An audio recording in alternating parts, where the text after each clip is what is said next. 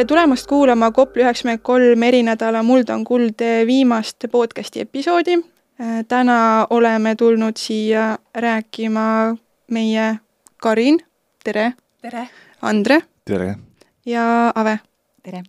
Mina olen Anne-Mai, me kõik toimetame Kopli üheksakümne kolmes ja täna me alustamegi väikese tutvustusega, ehk siis Karin, mis sa siin teed? Äh, nii tore on teiega koos siin istuda lõpuks ometi, muidu on alati üle Zoomi, üle koosolekulaua, nüüd meil on äh, igast juhtmed küljes ja nüüd saab eriti tarka juttu päriselt äh, linti võtta. Mis ma siin teen? ja mis, miks ma arvan, me kõik siin täna oleme, ongi see, et eks see mullanädal on inspireeritud meie sellisest aktivismi või aktivistiks olemise omadusest ja ma mõtlesingi, et äh, väga oluline oleks ka ise aktivistina tulla ja jagada natuke oma mõtteid sellel teekonnal, et äh, miks me peame väärtuslikuks äh, mullast rääkimist ja ka teistest teemadest rääkimist, mis puudutavad keskkonda. ja jah, ja siin Kopli üheksakümne kolme kaasalgatajana on mul olnud see võimalus siia tulla ja neid mõtteid jagada ja teiega koos arutada ja Karin, sinu juurde tulema tagasi pärast, ma tean, et sul on hästi huvitav lugu rääkida, kuidas sa üldse Kopli üheksakümne kolmeni ja kõigi selle kogukonna asjadeni jõudsid. aga palun, Andre. Äh, jaa, miks mina siin olen, ähm, mulle tuli kohe esimese asjana meelde, et kui me siin ähm, eelmise aasta niisugust esimest kohtumist tegime, et mis on siis nagu selle Kopli üheksakümne kolme strateegia, kogu selle alus ja siis ma mäletan, et ma ütlesin, et minu kõige tugevamad põletavad küsimused on vesi ja muld. ja nüüd seda ühte me siin äh, juba lahendamegi, et ilmselt see on see põhjus mm. -hmm, aitäh ja palun, äh, Ave. nii, miks mina siin olen? kästi tulla, midagi ei jäänud üle kõik on Karini süü jaa, et äh, see on nii vajalik teema, no ei saa, peab rääkima, et mm. -hmm. Aga miks siis äh, just muld, et Andre siin ütles, et vesi ja tegelikult meil on keskkonnaprobleeme nii palju, et sa võiksid teha metsas, sa võiksid teha autostumisest, ükskõik millest, et mis siis selle mullaga on, et miks just see? tead, ma tahakski, et Andre võib-olla kohe vastaks, et tegelikult Andre on see, kes selle nädala nii-öelda inspiratsiooniseemne mulda pani nii et eh, ma arvan, et Andre võikski oma loo siin jutustada kohe alguses. Eh, see algas siis, kui ma käisin mööda tänavaid ja nägin, kuidas eh, inimesed ei näe, kuhu nad astuvad, inimesed ei näe, mis nad endast maha jätavad, ja siis tekitas minus sellise suure küsimuse, et oot, aga mis ma siis teen? et mis ma siis teen, ma ei lähe neile ütlema, et kuulge, et vaadake, et see, kus te astute, et see on elus, et kõik need taimekesed ja putukad, kõik, mida te ei tunnegi, et see kõik on hästi elus ja see on meie meie elu alus, et äh, mis ma siis teen, mis ma siis teen. no ja mõtlesin välja, et äh, kutsun siis inimesed endaga kaasa, et lähme koristame mm, prügi, lähme teeme mingeid pühapäevaseid koristuskampaaniaid mm, -hmm. super, väga hästi tuli välja, aga siis ma sain aru, et sellest ei ole nagu palju kasu. et see, see nii-öelda see impact on nii väike, siis mõtlesin, et okei okay,, mis me teeme, mis me teeme, mis me teeme, teeme kampaania. teeme kampaania, et äh, meri algab siit. No väga hästi läks Läks väga hästi ja saan aru, et äh, sellest on ka veel vähe. et, äh, et see, see potentsiaal on nii suur, mida tuleks nagu näidata, mida tuleks jagada, aga aga see nii-öelda see teadlikkuse hulk, mida inimesteni viia, et siin, see on nii massiivne, see on nii suur, aga see, see nõelasilm, kus see peab nagu läbi minema, et see on nagu nii pisikene, et see tähendabki, et et seda on vaja siis justkui nagu eriti täpselt ja teadlikult teha ja seda me siin siis leiutame, et mis see täpne nipp nagu on mm. Karin, mis sa arvad, kas inimesed on valmis nägema ähm,? muld minu jaoks äh, on üks selline huvitav nähtus, mis peegeldab niivõrd hästi, ta on nagu tätoveering inimese kehal, mis näitab äh, kas siis mingit ajalugu, mingit lugu äh,, kui me vaatame mulda, võtame lahti kogu maailma mullakaardid, siis me näeme ära mingis mõttes oma viimase saja aasta ajaloo, et nagu Harry Moora siin ühes saates ütles, et et noh, nagu meil tekivad need geoloogilised kihid, äkki olid stratotüüpsed kihid, et võib-olla ma ajan selle, selle sõnaga nüüd metsa, aga see on umbes see, mida ma mäletan. ma loodan, ma sain õigesti selle, et kunagi on siis üks kiht hästi reostunud, et see on see praegu, see on see kiht, milles me hetkel elame. Ja, ja kõik see, mis me teeme põllumajanduses, kuidas me elame, on ju, linnades, kõik see linnade muld, Äh, see nii hästi iseloomustab seda meie eluviisi, mis, äh, mis ei ole niivõrd loodussõbralik, nagu sa, Andre, ütlesid, et tegelikult kõik, muld on tohutult elus, seal saavad kokku äh, kõik erinevad sfäärid, mis on ka meie eluks vajalikud, ja me peame seda hoidma selleks, et reaalselt lihtsalt elu maal saaks jätkuda. nii et just see, et miks me fokusseerime oma tähelepanu just praegu mullale, ongi see, et ma arvan, et see on, see on üks dimensioon, mis aitab kõik olulised aspektid meie maailmas hetkel kokku võtta ja kas inimesed on selleks valmis, sõltub ühiskonnast, sõltub inim-, inimeste seltskonnast, laias laastus tegelikult ei ole, aga ma arvan, et me üritamegi või noh, meie kompamegi siin seda piiri inimestest, kes kas on juba teadlikud ja tahavad veel teadlikumaks saada. Ja need inimesed tegelikult, kes äh, on nii-öelda, kelle emotsionaalne side mullaga tegelikult algab sellest emotsionaalsest sidemest, mis neil on tekkimas ehk iseendaga. ehk siis minu enda tervis, minu enda keskkond on ju, mitte ainult füüsiline tervis, vaid vaimne tervis, et kui me näitame, et muld on see, mis on ka selle alus, siis ma arvan, et see empaatia kasvab, see kaastunne, see nägemise ulatus jõuab sinnamaale, et me saame aru, et oh, aga mul on ka seda mulda ju vaja. Enamik inimesi ei saa üldse aru, et neil seda mulda vaja on, aga tegelikult meil on absoluutselt kõigil seda vaja.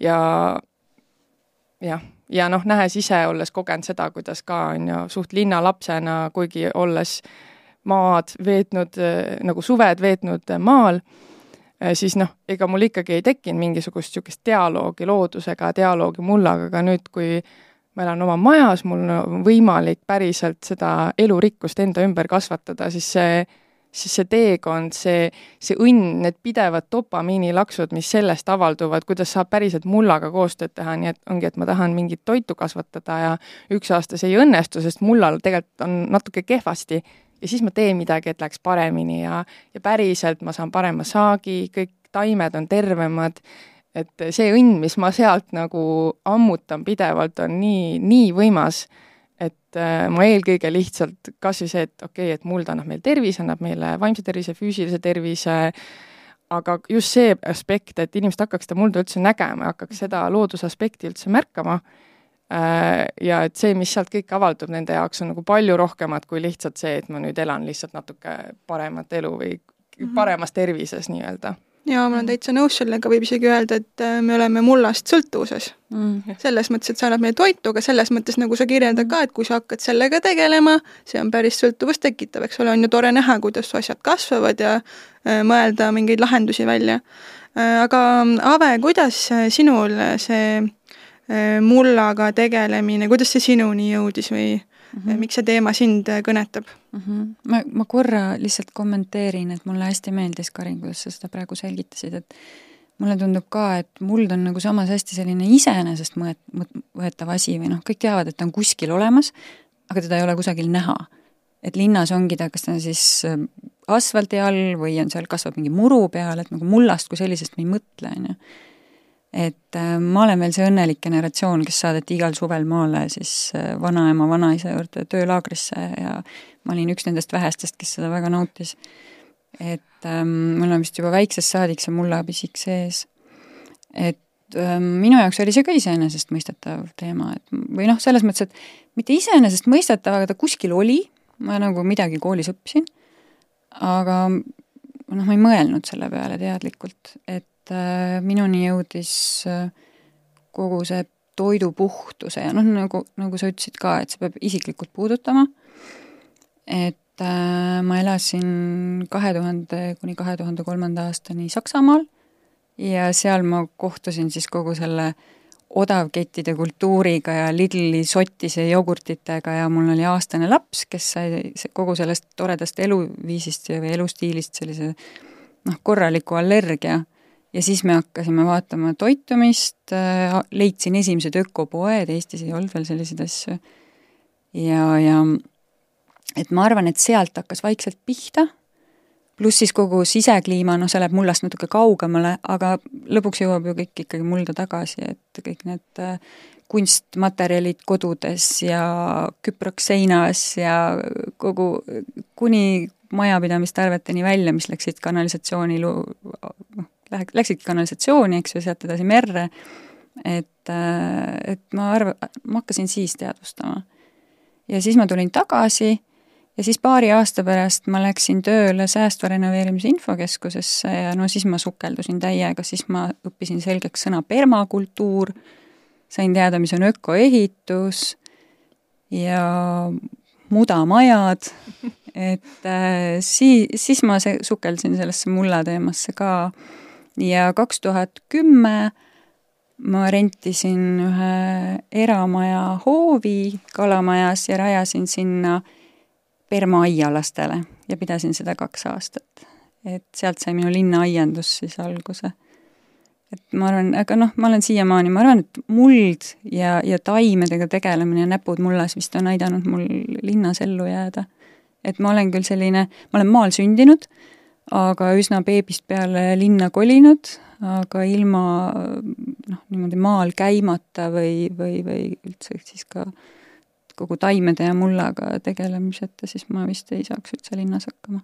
mõtlen, et sinu näitel on nagu äh, noh, näha, et ongi alates tervisest sa hakkasid mm. üldse nagu selle loodusega lähemasse suhtesse sukelduma, aga tegelikult lõpuks jõudsid põhimõtteliselt noh, mingi kõikidesse dimensioonidesse välja mm. -hmm. lõpetas sellega, on ju, et ma ei tea, on olemas ka ravimtaimed, on ju, et need saavad meil väga palju toetada, ehitused mm., et jällegi nagu mitmes episoodis siin on välja tulnud, et põhimõtteliselt kõik ikkagi algab mullast ja võiks lõpuks sinna mulda tagasi jõuda rääg-, noh, rääkides ka on ju meie majad, meie ise, kõik, kõik, mis me teeme ideaalis on ju, tegelikult tuleb mullast, lõpetab mulda, noh, paraku tänapäeval see ei ole the case, enamik asju ei kõdune, ei mädane isegi. Et mm. meil ei ole nagu midagi teha, et me peame mõtlema sealt kaugemale, aga aga siiski on nii palju veel, mis on alles, mida me saame rakendada, kasutada, nii et äh, elada selliselt, et loodus ka pärast meid saaks selle kõigega hakkama mm. -hmm. minul on ka muld seotud hästi toiduga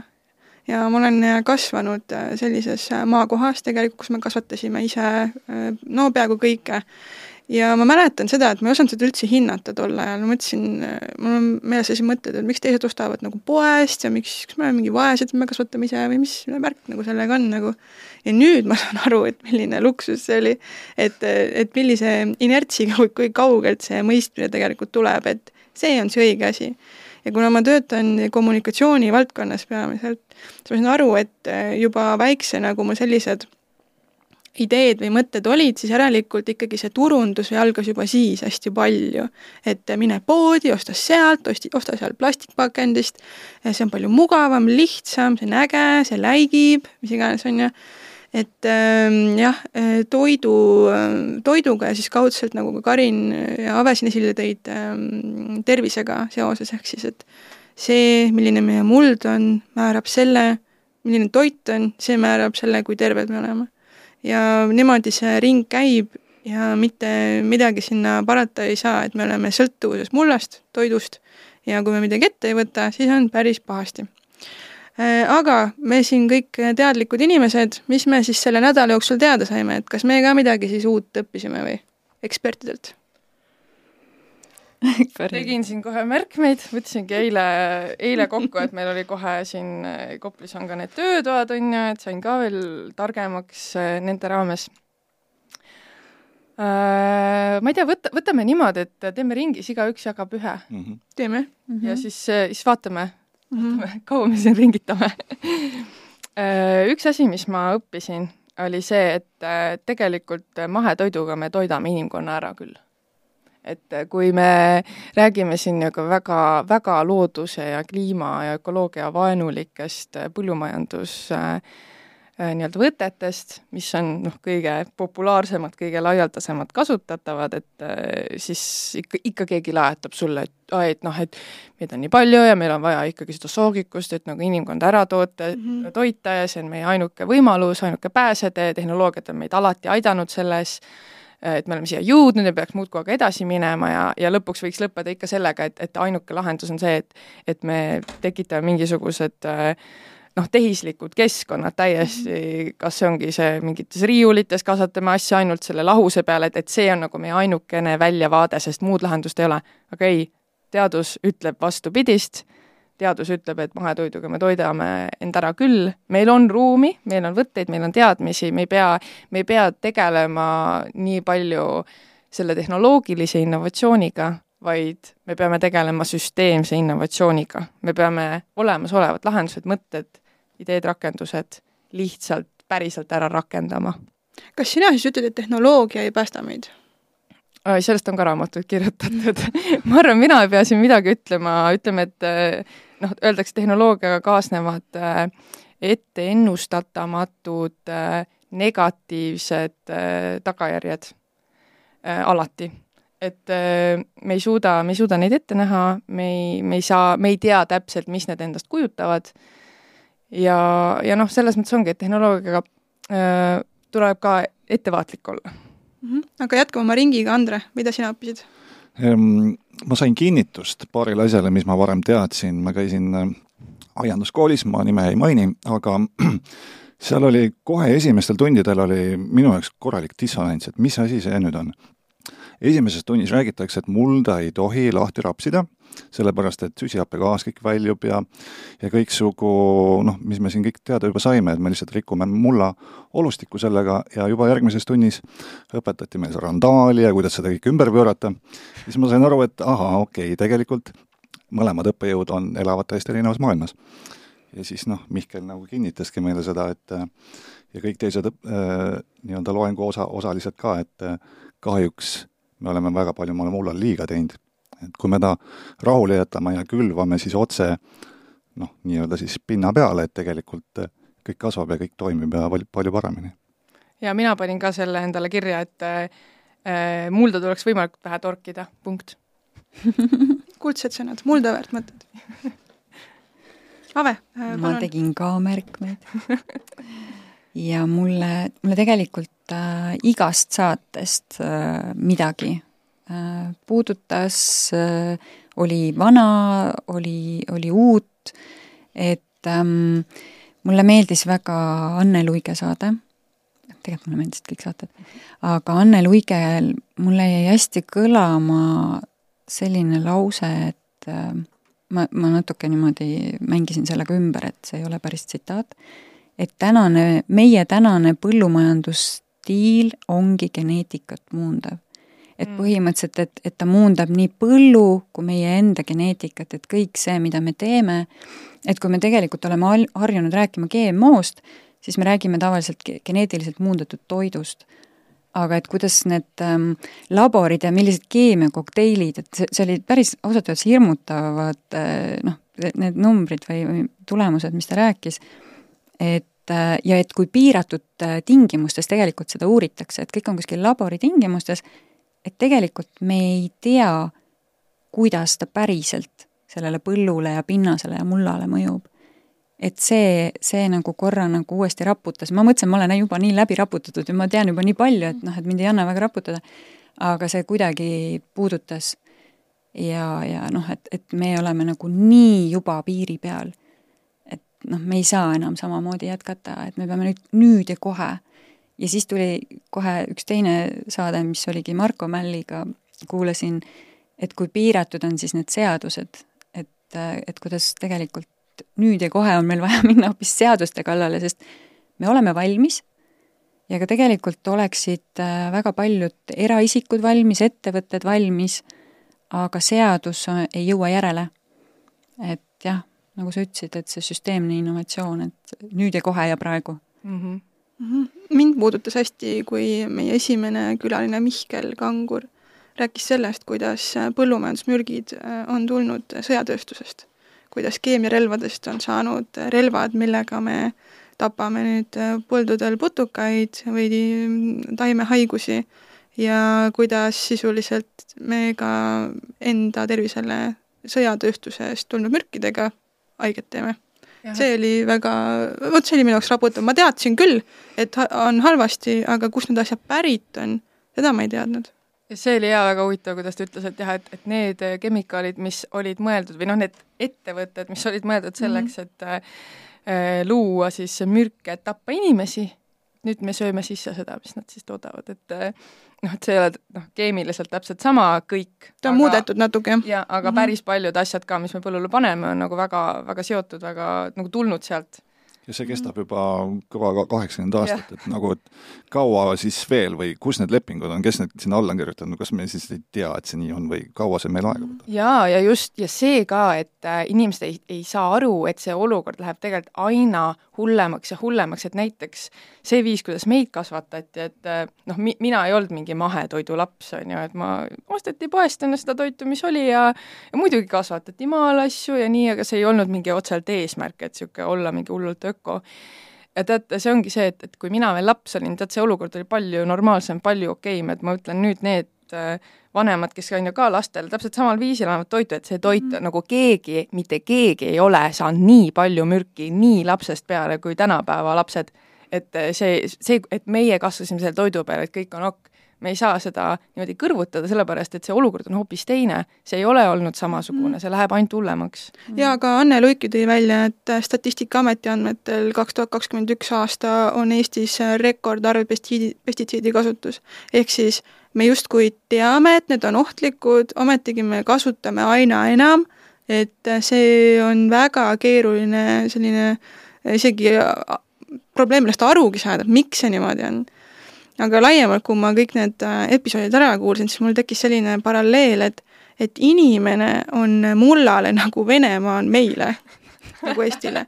et põhimõtteliselt on niimoodi, kui me midagi ette ei võta, siis, siis see liik, meie inimesed, me nagu hävitame ära ähm, selle kõik hea, mis seal on, ja tagasi pöörata on kas väga keeruline äh, või pea võimatu, kui see on juba kadunud ma nagu ei, ei võtaks inimest nii suurelt ja võimsalt. ma arvan, et muld saab endaga väga hästi hakkama ja planeet saab ka endaga väga hästi hakkama, et lihtsalt, et me ei saa aru, et me noh, kaevame kellelegi teisele justkui auku, aga ise kukume sinna sisse. no Mihkel ütles, et, et loodus ei, ei tolereeri eriti kaua seda olukorda, kus keegi jah. niimoodi noh, aga see ei lähe, see ei lähe nagu, et paugust nüüd see saab otsa mm -hmm. või midagi juhtub mm, -hmm. see on nagu hästi selline pikk vindumine, vaikselt jääme järjest haigemaks, vaikselt tulevad mingid yeah. kõrvalnähud, et see ei ole see, et ah noh, las ta lohiseb, et see on ja me harjume ära sellega jah, ka, et me jääme järjest haigemaks. et me harjume ära ja me nagu paneme selle silma veel rohkem kinni, et tegelikult meil on mm -hmm. nagu viimane aeg hästi otse vaadata, et kus on need lepingud, kes on need alla kirjutanud, kus kohas see jõuõlg nagu siin on, et neid lepinguid nagu nii kaua kinni hoida et ähm, see on hästi tugev mingisugune poliitiline tahe või selle puudumine või mingi kindel suunitlus, et neid äh, ma olen enam kui kindel, et selliseid poliitilise ettevõtte siseseid äh, nii-öelda pöörduksi, neid on, me peame neid äh, julgelt vaatama, avama ja mulle tundub, et siin on selline, et me oleme nagu niisugused head samariitlased siin tooli otsas, aga tegelikult ühest otsast me peame seda mõõka ka teravdama, et peame julgelt vaatama. Mhm, see paralleel Venemaaga tuli pigem sellest, et see on ka pikk protsess, mis kestab mm -hmm. ja teine on ka see, et ega loodusel pole midagi sellest, mis siin poliitilistes suhetes või sõdades on, looduses mm -hmm. läheb ikka elu, see on täpselt samamoodi. lihtsalt küsimus selles, mis meist saab, mis meie lastest mm -hmm. saab, selles on nagu küsimus, et loodus muidugi saab hakkama. ja ma mõtlesin ka, kui me, kui me jätame kõik igasugused vandenõuteooriad nagu kõrvale, et et äh, tegelikult see isiklik vastutus, see tuleb, tegelikult inimesed ei ole ju pahad. ja, ja lastena me oleme ju nagu kõik, noh, tahaks ju seda putukat vaadata ja ja korjakski selle lillekese ja viiks emale, et, et kus see nagu kaob et äh, ma ei tea, et ühel hetkel tuleb see haridus peale ja siis tuleb haritus peale ja siis me nagu, me unustame ära või, või jooksemegi ajaga võidu või et et tegelikult, äh, et kui inimene saab aru, et iga tema samm, iga tema otsus on isiklik vastutus iseenda ja kogu selle inimkonna ees, et see nagu noh, me oleme kõik üks organism, me ei saa sinna midagi parata, me võime mõelda, et me oleme eraldatud, ei ole. Et äh, ma arvan, et siis võib-olla hakkaks mõtlema, aga kuna noh, ikkagi suurem osa jooksebki ajaga võidu ja ongi selline suur mass, eks ju, me kuulume samamoodi sinna massi, et me lähme siit pärast ära ja siis me teeme oma massi asju edasi. et tegelikult võib-olla äh, vot meil on need igast influencer'id ja suunamudijad, on ju, et me peaks neid mullamudijaid nagu rohkem panema. sellepärast, et, äh, et noh, et, et tegelikult rahvas läheb kaasa, aga nad ei tea, Nad ei tea, jah. jaa, ma arvan, et me oleme selle nädalaga juba päris palju suutnud mudida, et me peaks lihtsalt seda regulaarsemalt tegema. ma mõtlen, et ma olen teiega, ma olen neid sarnaseid teemasid lihtsalt nii palju varem rääkinud juba ja mul on ikka veel nii huvitav, ma tunnen mingi iga asja peale, mis keegi ütleb, mul on mingi kümme uut mõtet, mida ma lihtsalt pean välja ütlema. aga ma arvan, et see oli väga hea sissejuhatus mõndade huvitavate mõtete jaoks, mis ma näiteks Grete Arro episoodist üles korjasin, et mingi, mingi niisugune loo moraal, et et ongi, et me sünnime kõik niisuguse väga metsiku potentsiaaliga, olla põhimõtteliselt ükskõik milline inimene, mis võimalik, ja eks see ühiskond ju lihtsalt eh, kujundab meid, et millised väärtused hakkavad domineerima ja just üks asi, mis siis Grete tegelikult ikkagi ütles, et, äh, et selline turvaline, hoitud, niisugune armastav, avatud äh, keskkond lapsena, kui sa kasvad ülesse, tegelikult nii-öelda suurendabki sinu Äh, neid erinevaid väärtuste suundi ja komplekte, mille sa võid siis endaga nii-öelda kogu eluks kaasa võtta.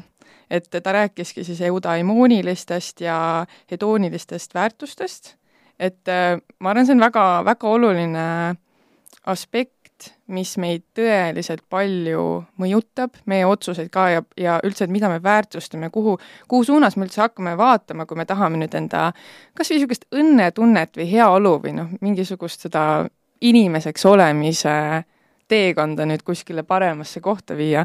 et noh, Grete ütleski seda, et eudaimoonilised väärtused, siis need on siis need väärtused, mis on see niisugune mingi life aspirations nagu Äh, ma ei tea, mingi haridus, äh, eneseareng. eneseareng -hmm. on ju, maailma avastamine, äh, kogukonnasuhted, inimsuhted, perekond, niisugune loov, looming mm, väga niisugused, ma ütlen noh, niisugused pehmed üldised asjad, et niisuguste väärtuste eest otseselt keegi nagu raha väga ei maksa et äh, äh, nende väärtustega inimesed, kellel on nagu need domineerivad, et neil on väiksem ökoloogiline jalajälg ja nende heaolu on palju suurem kui inimestel siis, kellel domineerivad äh, rohkem siis need hedoonilised väärtused, mis siis on see, niisugused kõik asjad, mis on rohkem mõõdetavad ja mis on väga palju meie ühiskonnas niisugused nagu võistluslikud lausa, et et ma arvan ka see, et kas ta peab olema nüüd võistluslik, näiteks välimus, et me muudkui aga võrdleme, võrdleme, palju meil raha on, et noh, et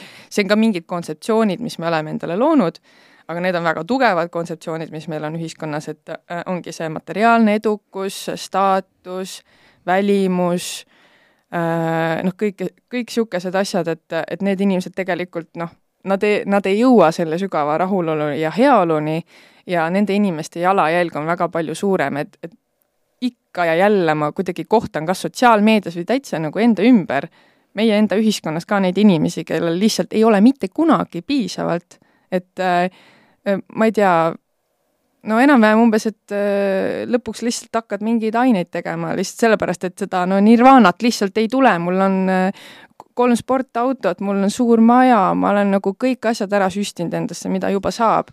ja ikka veel on õnnetu, ma olen kõik, kogu maailma läbi reisinud, noh mm -hmm., mingites toredates basseinides veetnud ja ma ikka veel olen õnnetu ja selles mõttes, et it doesn't make any sense, sest kõik, kõik karjub sulle, et see on see, mis teeb õnnelikuks. ja tegelikult ei teinud ja sa oled mingi okei okay,, järelikult on, on mul midagi avastamata, lähed edasi, lähed täpselt sedasama teed edasi.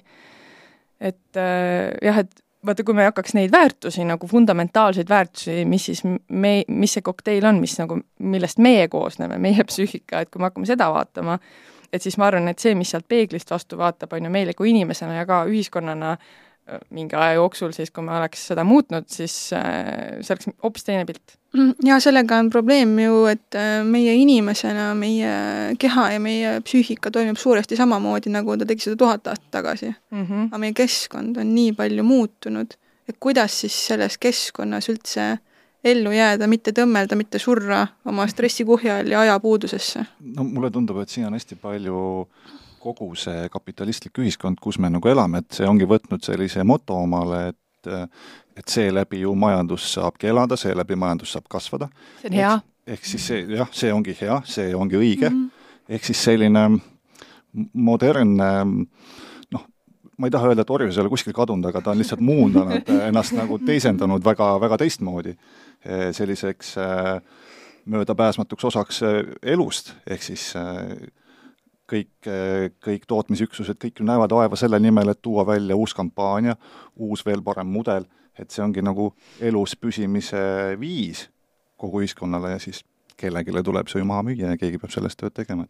et aga kus, kust tekiks siis see tahe, et aga töötame koos selle nimel, et me loobuksime sellest süsteemist, et kas me saame ennast nagu teadlikult, tahtlikult muundada, et me loobume üksteisele kõiksugu jama mahamüümisest mulle meeldis see mõte, mhm. mis paar päeva tagasi Anne-Mai, sa ütlesid, et noh, et sina oled kommunikatsiooni peal, on ju, et sina mm -hmm. tegeled sellega, et sõnum jõuaks inimesteni, et inimeste tegelikult käitumist mõjutada.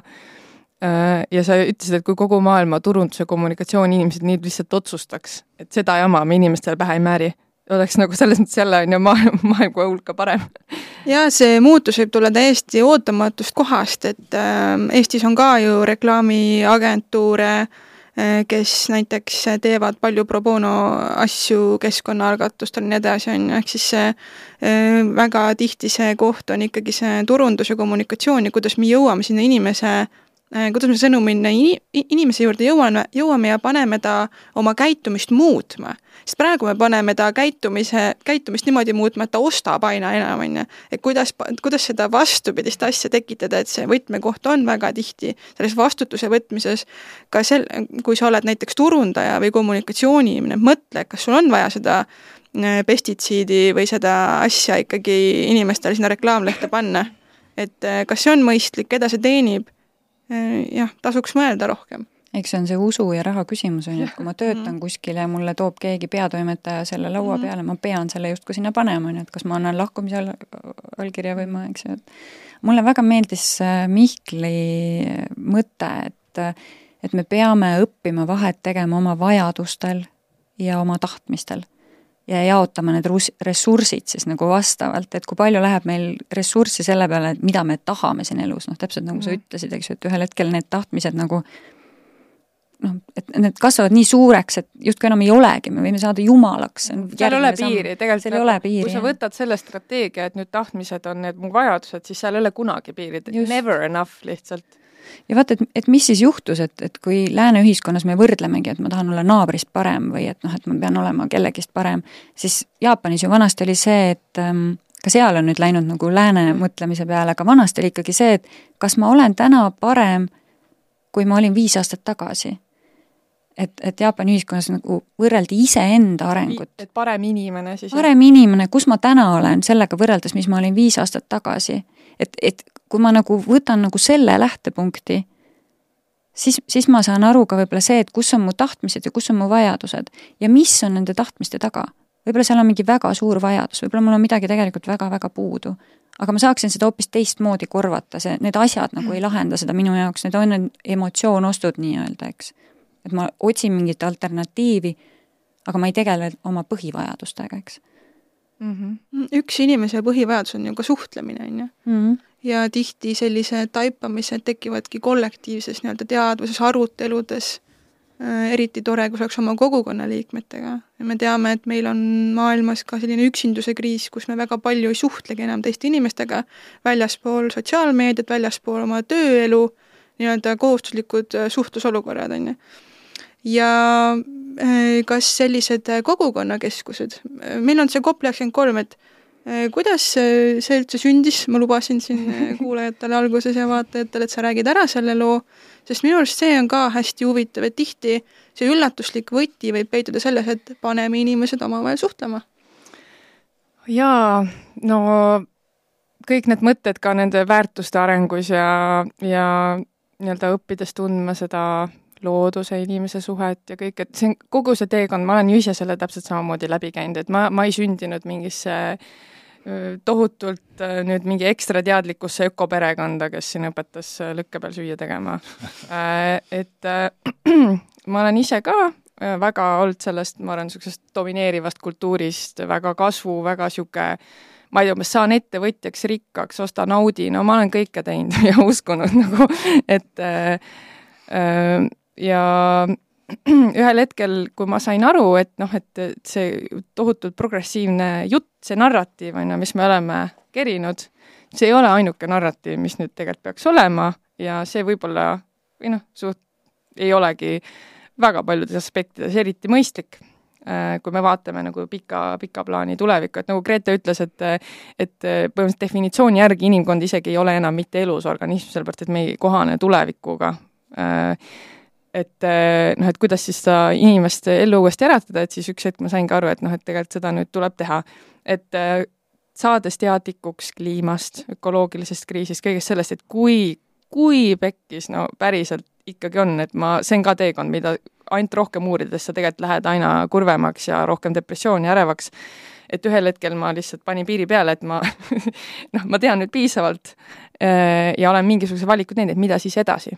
Ja mis see, mis see siis edasi on, minu enda isiklik järeldus, oli see, et äh, okei okay,, isegi kui ma ei tea, mingid süsteemid siin kollapseeruvad äh, kõikide ressursi äh, ressursi ja süsteemi äh, keerukuste, ressursipuuduse ja süsteemi keerukuse tulemusel, Äh, mille tõttu siis ühiskonna ülalpidamise kulu, see overhead kasvab nii suureks lihtsalt, et äh, meil ei jää siit mitte midagi muud järgi. ehk siis sisuliselt see süsteem hakkab iseennast äh, ära sööma, et ka see, kui me näeme, et neid seadusi muudkui aga tekib juurde, igast ootusi tekib juurde, igast asutusi kõike tekib juurde, seda keerukusse läheb, läheb, läheb, läheb ja üks hetk põhimõtteliselt kogu meie maksuraha läheb sinna, et seda pidu käimas hoida.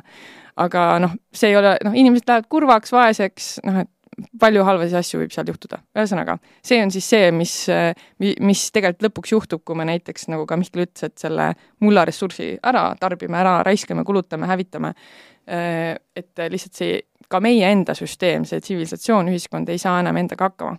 okei okay,, juhtub noh, päris ärevust tekitav mõte, eks ole. aga ma sain aru, et isegi kui see kõik juhtub, siis kui ma veel elus olen, siis tegelikult reaalselt elu läheb edasi et ka kui kõik läheb mäest alla, me ikka elame siin, me oleme ikka siin. ja mis ma siis teen, istun kuskil oma toas, ma ei tea, loen uudiseid, olen depressioonis ja teeme kõik nii või? et kas see on mingi hea soovitus, kas see on nüüd see hea elu, kuidas elada? ma ju võin võtta selle, selle niisuguse suhtumise, et noh, isegi kui ma elan ainult veel täna, mis siis on, on ju, ma arvan, et see on hea mõtteviis, kuidas elada tegelikult iga, igal juhul, vahet pole, kui pikk su elu siis on ja kui õnnelik on igal juhul hea elada nii, et et kuidas ikkagi täna oleks üks täisväärtuslik äge päev. üks mees lubas äh, selle peale õunapuu istutada, väga kuulus mees. jah, et äh, ühesõnaga, et isegi kui kõik on metsas ja tulevik tundub must, siis me oleme ikka veel siin, me ikka veel elame ja mis on siis see päriselt see täisväärtuslik elu, mis äh, ühest küljest on meelelahutuslik, teisest küljest äh, Äh, nii-öelda päriselt leevendab minu ärevust ja kolmandast äh, nii-öelda vaatepunktist ka päriselt äh, toob natuke midagi ikkagi kindlat, turvalist, mõistlikku siia kaoses maailmasse. ja siis ma jõudsin ka arusaamale, et on niisugune asi nagu säilenõtkus, nii-öelda inglise keeles resilience, mis toimib igal tasandil, see on minu vaimutasandil see on ühiskonna tasandil, kogukonna tasandil, looduse tasandil, loodus on nagu kõige säilenõtkem asi. mis asi ongi see säilenõtkus, on on omadus, mis annab äh, kas mingisugusele objektile või noh, süsteemile, inimesele, loomale, kellele iganes äh, vastupidavuse ja kohanemisvõime, et ta on vastupidav sellepärast, et ta on hästi-hästi hea kohaneja. ja siis ma mõtlesingi, et vahet pole, mis see tulevik toob, mina olen lihtsalt hästi hea kohaneja, et no mis iganes äh, mis iganes maailm see homme välja näeb, ma lihtsalt saan hakkama, ma, ma kohanen nii, ma muudan oma väärtusi, oma olemust, oma perspektiivi nii, et, et mul vahet pole, mul, mul on kõik hästi. et juba kui Covid tuli, siis ma olin selle mõtteviisi juba nii-öelda hankinud endale ja siis ma olingi, okei okay,, nüüd ma olen toas, kuidas mul on lihtsalt nagu sitaks äge aeg toas, noh et kohe mitte nii, et nüüd on maailm läbi, oh my god, vaid ma olen, et aa okei okay,, et see oli ju teada, et kõik läheb täiesti kaosesse, see on okei okay,, nii, kuidas ma nüüd selle paar aastat võtan maksimumi nagu sellest kodusest ajast ja on ju, ostsin maja, sõbrad, neil polnud ka midagi teha, tulid, ehitasid mu maja tasuta, on ju, tegime seal värki, no mõtlen, ma täiega nagu took the benefits of this situation. ja, ja ühesõnaga ma näen, et see, see on nagu mingi mõtteviis, mis minu, mind, on nagu minu sanity alus, ma printisin siin paberi peal ka ühe selle tsitaadi välja, mis ma kuskilt hankisin, et et depression is hopelessness and helplessness ja resilience is the opposite, ehk siis depressioon on lootusetus ja abitus ja säilenõtkus on täpselt selle vastand. ja, ja ma arvan, et seda vastandit siia maailma tuua on meil hästi vaja. aga see resilience ehk siis säilenõtkusel on ka teatud noh, oma niisugused aspektid, et mis selle siis annab. Üks osa sellest on kogukonnad. kogukonnad on see, see võrgustik, mis toob meile ressursid mis aitab kohalikul tasandil nii-öelda päriselt välja mõelda erinevaid lahendusi, alustades sellest, et kui päriselt ma ei tea, elekter kaob ära, on ju, pikaks ajaks, siis sul ei ole süüa, kui sa oled nagu väga-väga hea sõber oma naabritega või kellegiga, kes on mitte sinust liiga kaugel, et sa ei pea tema, temani mingi päev otsa kõndima või sõitma, on ju, kui kütust pole, mida iganes et siis äh, sa jääd ellu nagu suurema tõenäosusega ja vanasti noh, selles mõttes kogukonnad täitsid kõikide avalike teenuste funktsioone, tuletõrje, lastehoid äh,, sinu toidu, kriisiabi, toiduabi, noh, kõik funktsioonid, eks ju äh,. et äh, see on, see miski, mis on selles tarbimiskultuuris, selles kasvumajanduses, selles tohus, tohutus individualistlikus äh, kultuuris läinud kaotsi aga see on väga suur oht, me oleme kõik oma munad pannud ühte korvi tegelikult, aga me peame saama paremini rohkem ise hakkama. Ja see isehakkamise suutlikkus, see, et, et see ei ole mitte ainult kogukond, vaid see, et ma arendan endas mingisuguseid oskusi, mida, mis päriselt mind aitavad elus hoida, sest noh, kui me mõtleme nüüd, et kui meil oleks päriselt vaja ise hakkama saada, elus püsida, siis äh, paljud meist sellega hakkama saaks, noh, ainult põlisrahvad, ainult põlisrahvad saavad sellega hakkama, me kõik, me oleme nagu kärbsed lihtsalt lähme, on ju. aga noh, see ei pea nii olema et me saame, me saame neid asju õppida, me saame kogukondlikult äh, kokku tulla ja igaüks oskab midagi, teab midagi ja me saame hakkama. nii et, et need oskused, see kogukond on alus, ma arvan, asjadel, mis tõesti noh, vahet pole, mis juhtub, ma arvan, et A, meil on lõbus seda teha ja teiseks see maandab mingeid riske ja sealt me jõudsimegi Kopli üheksakümne kolmeni. et ju juhtus huvitavad sündmused, mis tegelikult andsid mulle selle võimaluse niisugusele asjale nagu aluse panna, näiteks see Centrino projekt, mis äh, räägibki siis nendest Fabsiti haavidest, mis sisuliselt on ikkagi noh, makerspace'id äh, ja need parandustöökojad.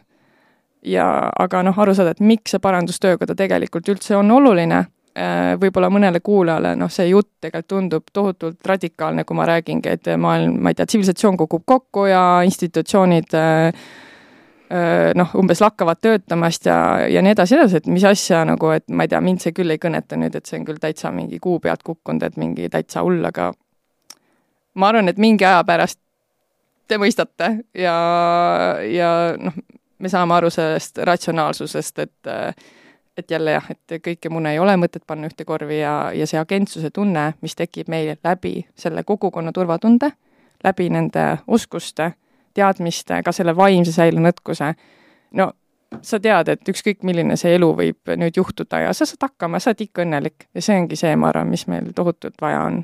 jaa, et sa saad oma äh, õnnetunde tegelikult kogukonnast ja, ja koos tegutsemisest, toimimisest. sellest loomingust tegelikult, mis siis sünnib interakteerudes sinu põhivajadustega, ma arvan, et tegelikult ei, no öeldakse, et vaata, kui sa saad lapse, siis kuidagi elu läheb, ma ei tea, mul ei ole lapsi küll, aga kõik räägivad, on ju, sellest, et sa saad lapse ja siis sa, sul on mingi tohutu selline, mingi niisugune tähendusrikkus tuleb ellu on ju, see instinkt, sa hoolitsed selle inimese eest, et see nagu ma arvan, midagi, millega väga paljud suudavad relate ida see on väga niisugune loomulik inimese vajadus, instinkt, väga niisugune puhas loodus, ürgne loodus tegelikult ilmutab ennast. aga mis see ürgne loodus, kuidas ta end veel ilmutab, on toidu hankimine mm, -hmm. tervis, niisugune keha otsimine, endale ressursside äh, nii-öelda valmistamine, öeldaksegi, nagu Grete ütles ka, et ei ole ühtegi kurba aednikku, aednik tegeleb oma ressurss, oma vajaduste otsese rahuldamisega mm -hmm. ja see on kõige tähendusrikkam tunne. ehk siis sellepärast ma ütlengi, et, et see on isegi kui meil seda vaja ei ole, seda kogukonnaaeda, seda parandustöökoda äh,, siis see, see on nii meaningful, tead, kui sa hakkad seda tegema, see on lihtsalt nii tähendusrikas, sest sa tegeled omaenda vajadustega nagu iga päev otse mm. -hmm. üks asi on vajadused, aga teine asi, mida ma olen märganud nüüd, meil läheb kolmas aasta, eks, Koplis, et äh, inimesed saavad eduelamusi iga kord, ta õpib midagi uut ta avastab enda kohta midagi uut ja see eduelamus annab talle kuidagi nagu, vot see, see näitabki talle, et aa, ma oskan, eks ju, ma võingi kohaneda, et tal tekibki nagu see noh, annab enesekindlust juurde. et kui ta istubki seal üksinda oma toas ja vaatab telekast kogu aeg mingeid uudiseid ja, ja kuuleb, kuidas kõik läheb järjest allamäge, on ju, siis see on üks koht, kus ta, kus ta põhimõtteliselt ta korraks lülitab ennast sellest suurest maailmast välja ja ta saab mingi lootuse, et tegelikult on nagu kõik veel võimalik. ja see on ka see, et kas sa oled tarbija või sa oled ja. looja, mis hästi ja. huvitav kunagi, noh, kui läks ja. kõik see influencerlus läks hästi popiks, siis ma vaatasin ka seda nii-öelda antropoloogiliselt kõrvalt. ja üks asi, mis tuli välja, on see, et kui sa oled see nii-öelda sisulooja või see suunamudija, siis tegelikult sa ei tegele nii palju selle tarbimisega. kõik teised, kellel ei ole ühtki pilti, ühtki videot, mitte midagi, noh, ma ei räägi nüüd kõigist, on ju, aga laias laastus on need, kes scroll ivad kõige rohkem, mis on hästi huvitav, on see, et kuhu sa oma fookuse paned, kas sa ise tegeled selle praktilise loominguga või sa oled see, kes seda kõike ainult tarbib ja siis jahmib? Ma tahaks seda veel küsida, et äh, miks on siis need kogukonnad ära kadunud või mis on nagu juhtunud, et kui me räägime, et see on see, mis on meie vajadus tegelikult suhelda, midagi koos teha, see on see, mis meil tagab selle säilenõtkuse, mis siis juhtunud on, Andre, et mis sa arvad selle kohta? No siin Karin juba mainis ka väga palju just sellest kohast, et ähm, et äh, kogu see nii-öelda see masina käimas hoidmise mehhanism, see on äh, nii suureks läinud ja see on muutunud justkui nagu iseenesestmõistetavaks, et et see masin on see, kes meie eest hoolitseb. See majandusmasin, majandusmasin, jah ja,? hästi palju seadusi ja kogu aeg on nagu see tunne, et kõik on justkui okei okay,, ma ei pea ise midagi tegema, seadus ütleb, kuidas ma pean, aga sel seadusel ei ole loodusega justkui nagu väga otseselt mingit pistmist, et see on kogu aeg olnud selline kas see on inimese seadus või see on loodusseadus, kas see on Konfutsius või, või see on Lao Tzu, eks ole, ja siis need omavahel justkui konkureerivad, aga ühel, ühel hetkel see Konfutsius saab pikki päid, sellepärast et see väljamõeldud seadus, see lihtsalt ei toimi. ja kukubki kokku vaikselt-vaikselt ja alles jääb loodusseadus, see, mis on kogu aeg toiminud, aga me lihtsalt ei ole seda tähele pannud. ja need loodusseadused ongi need, mis äh, seda tundes me oleme mm, rohkem võib-olla altid äh, nägema mis maailmas võib juhtuda, kuidas omale süüa kasvatada, kuidas olla kogukondlikult tugevamad, et see on selline äh, loodusest kaugenemine. See ongi juhtunud ja nüüd siis otsime tagasiteed. -hmm. ja mingis mõttes on siis üks äh, ähm, loodusseadus ka see, et ellujäämiseks tuleb omavahel koostööd teha mm, -hmm. tuleb suhelda. võib ja, nii mõelda ka. nojah, jällegi sellest ka on palju raamatut kirjutatud, aga inimene karjaloom oma instinktidelt inimene karjaloom, nagu me näeme lambaid ja hobuseid ja ma ei tea, veised, kes sult tahavad nagu ninad, tagumikud nagu koos seal olla, me oleme tegelikult samasugused ja me oleme nii-öelda, loodus on meid kujundanud nii, et, et nii-öelda, et meie elu siis õnnestuks, meie evolutsioon, areng, ma ei tea, järeltulevad põlved, kõik, see peab olema toetatud nii-öelda teiste inimeste poolt. aga see ja kuidas me oleme nii-öelda olnud kogu aeg sunnitud siis koostööd tegema, ongi see, et meil on lihtsalt puhtad ressursid, mida meil on üksteiselt vaja, kas või see, et ma ei tea, vanasti olid, on ju, talgud, ka talgud, mida me Koplis väga palju teeme. Äh,, olid üks põhiosa, kuidas suured tööd said tehtud. ja majad said ehitatud äh,, ma ei tea, kraav sai kaevatud, mitte et see kraav alati hea on, aga tänapäeval meil on liiga palju neid kraave, aga äh, noh, et kõik niisugused rasked asjad tihti said ikkagi koos tehtud. Ja äh, aga nüüd ongi see niisugune nii-öelda tootmisele, industrialiseerumisele orienteeritud ühiskonnas on äh, see leivatooja, see teenusepakkuja, see tootja, ehk siis meie, meie aeg ise ei lähe siis otseselt oma vajaduste rahuldamisele, äh, noh, ongi siis oma toidu kasvatamine, kõik niisugused asjad, vaid et noh, et keegi maksab meile raha ja siis me lähme ostame seda, mis meil vaja on, et toimub selline spetsialiseerumine ja, ja see spetsialiseerumise käigus tegelikult äh, meil kadus see vajadus mingeid asju siis oma nii-öelda kogukonnakaaslastelt äh, oodata. see on nagu nii, nii ülimalt mugav, et äh, noh, milleks mul seda kogukonda vaja on, miks mul on vaja hakata mingi äh, seal kellegiga seal kokku leppima, et äh, nüüd meil on mingi ühine auto või midagi sellist, on ju. et äh, äh, noh, et ma ei ütle, et see Bolt Drive on väga tore, ma ikka kasutan seda teenust, aga mu point on lihtsalt selles, et, et nagu see näha, see trajektoor on sinna läinud, et, et see individualism, et mina saan nüüd siin üksi, on ju, teenused kõik puhverdavad mu elu siin ära, see on jah, väga tore, väga äge, et tegelikult nii on juhtunud, aga mis, mis on nüüd see väga suur riskikoht, on see, et kui on maailmas väga palju kriise ja selliseid ootamatuid olukordi, siis need teenused lihtsalt lakkavad töötamast ja see on see oht. teine asi on ka siin, et need teenused justkui on äh, loogilised, vajalikud, keegi peab seda tegema, aga mis ma nagu näen, selline hoolivuse ja panustamise osa nendes süsteemides äh, nii-öelda tavakodaniku seisukohast enam lihtsalt ei toimi. just selles osas, et äh, kui on noh, tänavad on puhastamata, siis me eeldamegi, et tänavapuhastusteenus teeb seda ja me ei pea rohkem mõtlema. ehk siis me nagu oleme väga-väga suure hulga oma vastutusest ära andnud süsteemidele. ja kui süsteem enam ei tööta, mis siis saab? ja mis siis saab, kui kodanikuühiskond tahab näiteks rohkem panustada, aga ei saa, sest äh, seadus on selline, lepingud on tehtud. et see on, mina näen, et väga suur koht just see, et näiteks äh, kui ma näen, et minu maja ees on linnamaa ja seal ei kasva muru juba aastaid või tahaks sinna mingi põõsa panna, siis ma pean tohutu kadalipu läbima selleks, et muuta või noh, paluda mingeid seadusi või või olla millegi osas äh, vastu, vastutusvõimeline, ehk siis need kohad ma näen, et äh, on täitsa nagu katki nii-öelda selles ühiskonna võtmes. et äh, kuidas nagu sinna tagasi tulla, see on paras, paras teekond. mulle tundub ka, et me oleme nagu sellises mugavusühiskonnas et ma, mul on selline tunne või, või ma usun, et tegelikult maakond, maakondades, maakohtades on see kogukondlik tegevus suurem. on. sa pead viima oma lapsed kooli, sa, sa talvel ei tule sahk, ta mm -hmm. ei jõua lihtsalt läbi lume, keegi külast siis lepivad kokku, keegi ikka ajab, et, et tegelikult see on rohkem selline nagu linnastumise probleem ja, ja selline mugavuse probleem ja hästi mugav on, mõtle, kui mõnus, ma ei pea isegi prügi, noh, sorteerin oma prügi ära, sellepärast et noh, siis ma saan kõik need kastid täis, mille eest ma maksan, on ju, aga keegi teine viib kõik minema, keegi teine nagu toimetab ja mul ongi mugav mm. -hmm. ja see tegelikult on hästi mugav ka sellest kohast, et ma annan kogu vastutuse ära. nii kui midagi juhtub, keegi teine on süüdi. -hmm. ehk siis äh, ühiskonnal ei ole jõudu tegelikult mm. -hmm. ma mõtlengi, et okei okay,, see on väga tore ju mingis mõttes, et on mugav, et ma jumala eest, et keegi ajaks selle lume selle sahaga ära, et ma ei arva, et see oleks tore asi, mida nüüd igaüks peaks ja tahaks nagu tänavatel alati teha, et see on suur võit, aga noh, mis see, mis see miinuspool sealjuures on, see, et me ei saa nagu ilma hakkama enam mm. -hmm. et äh, mulle jah meeldis see Andrese mõte ka, et, et kas ma võiks selle põõsa siis istutada, et, et täpselt, et et võiks ju olla mingid kohad, mingid asjad, kus ma saan interakteeruda, mingeid asju teha, et mul jääb mingisugunegi mälestus sellest, et tead, kui ma näen seda viga, mida mm. laita, siis ma lähen ja aitan et selleks ei peaks olema nagu seaduslikku piiranguid, et ma saan aru, et seaduslikud piirangud võiks olla siis, kui sa teed midagi valesti.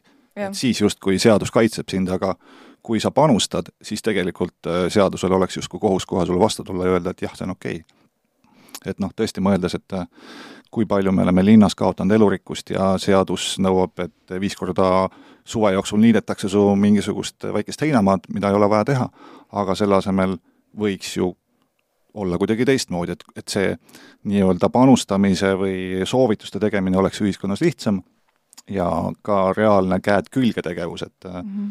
noh, kui kui palju näiteks tavainimene mõtleb selle peale, et ta saaks siis äh, elurikkust oma väiksel murulapikesel tõsta, väga lihtne on, et ära niida, eks ole, sa võid sinna istutada midagi, aga enamus inimestel on ikka justkui veel paari-kolme aasta tagune veendumus, et see on justkui seadusega keelatud, et noh, enam, enam seda seadust ei ole, aga aga neid selliseid positiivseid äh, muudatusi võiks tulla ka nii-öelda ülevalt alla ja noh, et see justkui võiks olla lihtsam äh, see, et sa seadusega teed koostööd, et seadus ei ole nagu kuidagi totakalt sul jalg, jalus. ja meil on hästi palju, on meil neid niisuguseid äh, looduse kontrolli haigusi, ma isegi vahel mõtlesin, et noh, et see tehnoloogiline areng ja meil on Eestil täielikult niisugune tehnoloogia, tehnoloogia religioon, ma isegi ütleks, et meil on nii palju neid äh, meil on nagu noh, nagu kirikus on, on sul need nagu need tasemed, on ju, et kes on, kes on rohkem au sees kui teine, et no a la Elon Musk on peapiiskop, vaata.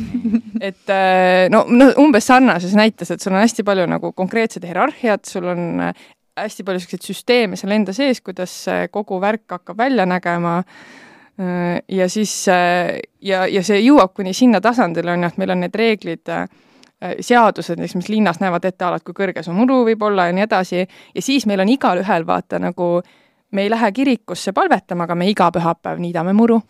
see on nagu religioosselt, et no ei saa, tulevad puugid, tulevad rästikud, tulevad mutid, no ei saa nagu jätta tegemata, sest et see kõik muu on ju paha, halb, on ju, aga tegelikult see on ainult uskumus, see on enda peas, see on perspektiiv. ma tahakski võib-olla, et kui keegi seda episoodi kuulab, siis lihtsalt küsida see küsimus, et aa, et, et et see on see narratiiv, aga tegelikult mm -hmm. on mhm. veel teine, on kolmas, noh, meie võib-olla anname üht narratiivi, on veel kolmas, neljas, viies vaata perspektiiv.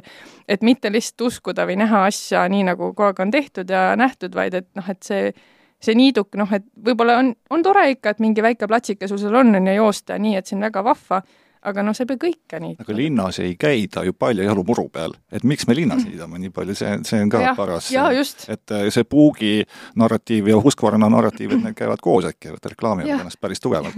ja mulle väga meeldis see mm, nii-öelda kiriku hierarhia mõte, et me oleme oma kiriku lihtsalt, mis oli väga oluline ühiskonna kese, väga pikalt tõstnud teise kohta öeldakse seda, et tänapäeva kirik on kaubanduskeskus, kuhu minnakse, ta, nüüd me oleme juba veel sammu edasi läinud, see on e-pood, me isegi ei viitsi kaubanduskeskusesse ja. minna, me isegi ei viitsi seda teha. e-liidukid on juba vajutud nuppu, juba niidab. et eh, jah, et eh, see mm, küsimus on see, et eh, mis on varsti need asjad, et, et kuhu edasi, et kui mugavaks saame seda teha, et me mõtleme, et nüüd tahetakse seda ka kogu seda tehismaailma nagu, kui, kui kaugele see areneb, on ju, ja, ja, ja kuhumaani see on jätkusuutlik. või kuhumaani on see üldse tervislik, ma arvan, alustame lihtsalt mm -hmm. sellest, et vaata, praegu ongi no mingi tohutu epideemia ongi see, et ma ei tea, lapsed on kõik ülekaalulised, noh et see, mhm. see on mingi, kes me olime, see homo sapiens sapiens, see tark inimene, kes tekkis, kes oli mingi tohutult tark ja no mingi no kõike teadis, kognitiivselt megavõimekas, et me oleme lihtsalt nagu läinud sealt nagu